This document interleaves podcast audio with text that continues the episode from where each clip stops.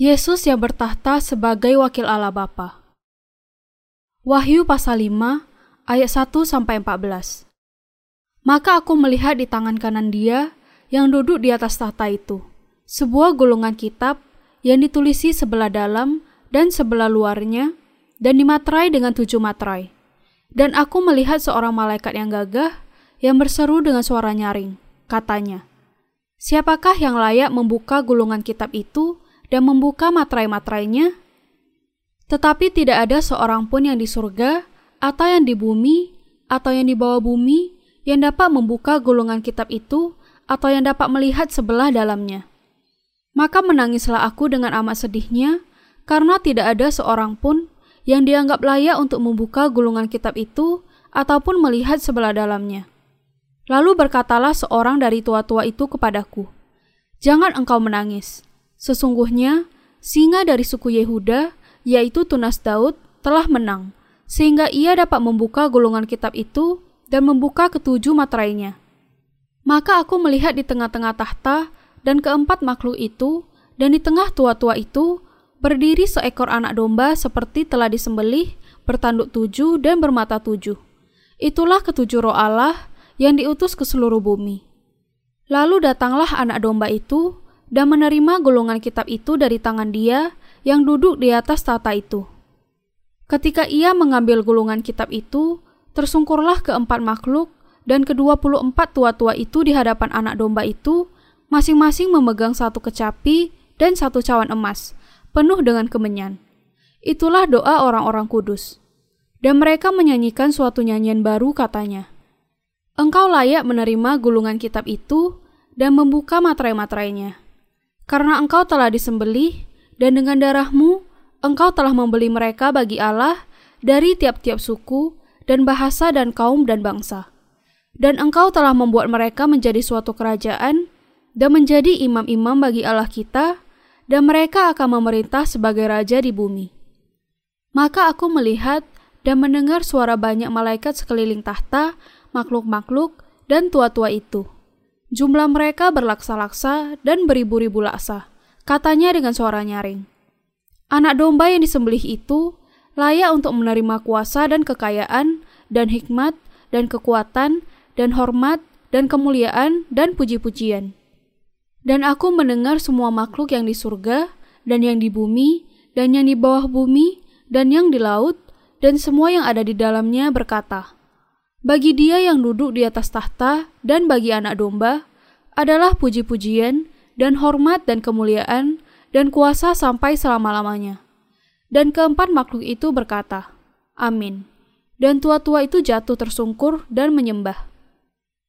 Eksegese Ayat 1 Maka aku melihat di tangan kanan dia yang duduk di atas tata itu sebuah gulungan kitab yang ditulisi sebelah dalam dan sebelah luarnya dan dimaterai dengan tujuh materai. Dikatakan di sini bahwa Allah Bapa memegang sebuah gulungan kitab dengan tujuh materai di tangan kanannya. Tuhan kita Yesus Kristus mengambil gulungan yang di tangan kanan Bapa, berarti bahwa Yesus diberi segala kuasa di surga. Ayat 2 sampai 4. Dan aku melihat seorang malaikat yang gagah yang berseru dengan suara nyaring katanya, Siapakah yang layak membuka gulungan kitab itu dan membuka materai-materainya? Tetapi tidak ada seorang pun yang di surga, atau yang di bumi, atau yang di bawah bumi, yang dapat membuka gulungan kitab itu, atau yang dapat melihat sebelah dalamnya. Maka menangislah aku dengan amat sedihnya, karena tidak ada seorang pun yang dianggap layak untuk membuka gulungan kitab itu, ataupun melihat sebelah dalamnya. Tidak ada seorang pun kecuali Yesus yang bisa menghakimi dunia, menciptakan langit dan bumi baru, dan hidup bersama orang-orang kudus sebagai wakil Allah Bapa. Ayat 5 Lalu berkatalah seorang dari tua-tua itu kepadaku, Jangan engkau menangis. Sesungguhnya, singa dari suku Yehuda, yaitu tunas Daud, telah menang sehingga ia dapat membuka gulungan kitab itu dan membuka ketujuh materainya.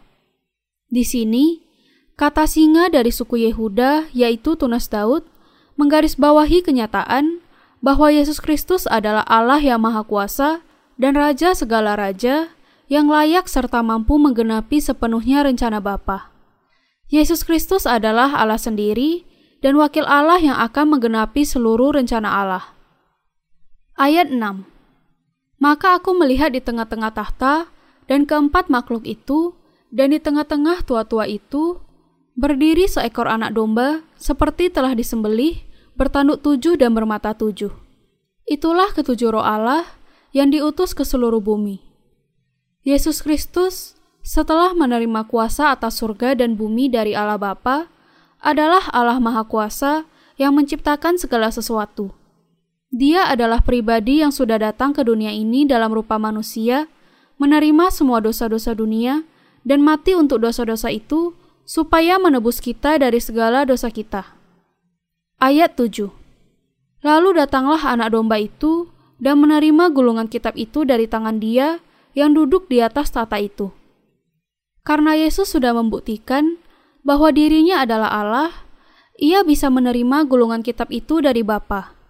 Ini berarti bahwa sejak saat itu Tuhan kita akan melaksanakan semua kehendak Allah. Ayat 8 Ketika ia mengambil gulungan kitab itu, tersungkurlah keempat makhluk dan kedua puluh empat tua-tua itu di hadapan anak domba itu, masing-masing memegang satu kecapi dan satu cawan emas penuh dengan kemenyan. Itulah doa orang-orang kudus. Ini berarti bahwa Yesus Kristus akan bertindak untuk Allah Bapa yang karya pertamanya yang diminta oleh 24 tua-tua dan keempat makhluk itu adalah doa-doa orang-orang kudus. Ayat 9 Dan mereka menyanyikan suatu nyanyian baru katanya, Engkau layak menerima golongan kitab itu dan membuka materai-materainya. Karena engkau telah disembelih dengan darahmu, Engkau telah membeli mereka bagi Allah dari tiap-tiap suku dan bahasa dan kaum dan bangsa. Di sini, Yesus Kristus dipuji oleh semua pelayan surga setelah menjadi wakil dari Allah. Para pelayan di surga memuji Yesus Kristus karena sudah menyelamatkan orang-orang berdosa di dunia ini dari dosa-dosa dunia. Ketika di dunia ini, Yesus dibaptiskan oleh Yohanes dan mati di kayu salib untuk menyelamatkan orang berdosa dari segala dosa dunia, dan ia melunaskan semua dosa-dosa itu bagi sang Bapa dengan membayar upah dosa itu menggunakan darahnya sendiri.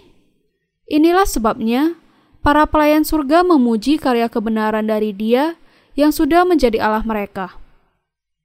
Ayat 10 Dan engkau telah membuat mereka menjadi suatu kerajaan dan menjadi imam-imam bagi Allah kita, dan mereka akan memerintah sebagai raja di bumi.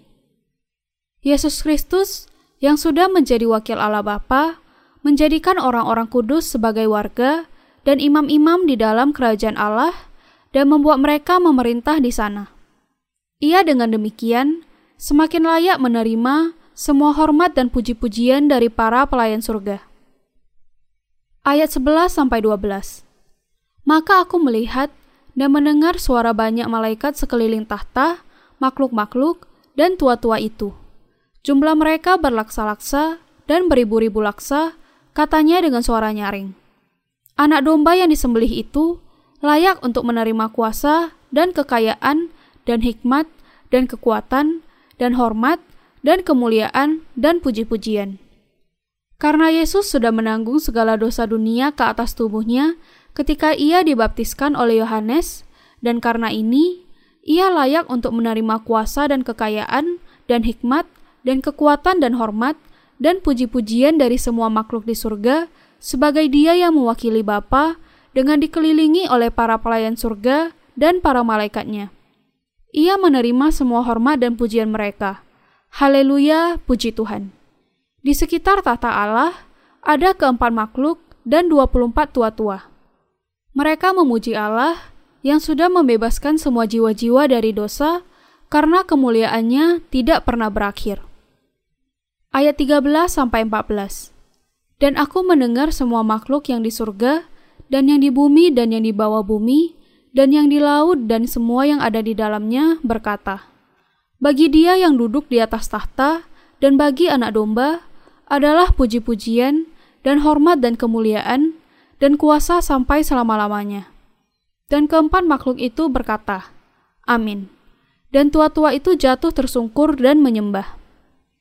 Akhirnya, Yesus Kristus yang menjadi wakil Allah diangkat menjadi pribadi yang layak untuk menerima semua hormat dan penyembahan dari semua pelayan surga.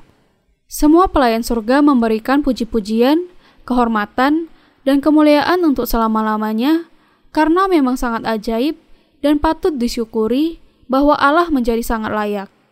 Semua orang-orang kudus di surga dan di bumi harus memberikan hormat dan kemuliaan kepada Dia yang sudah bertahta menjadi wakil Allah Bapa.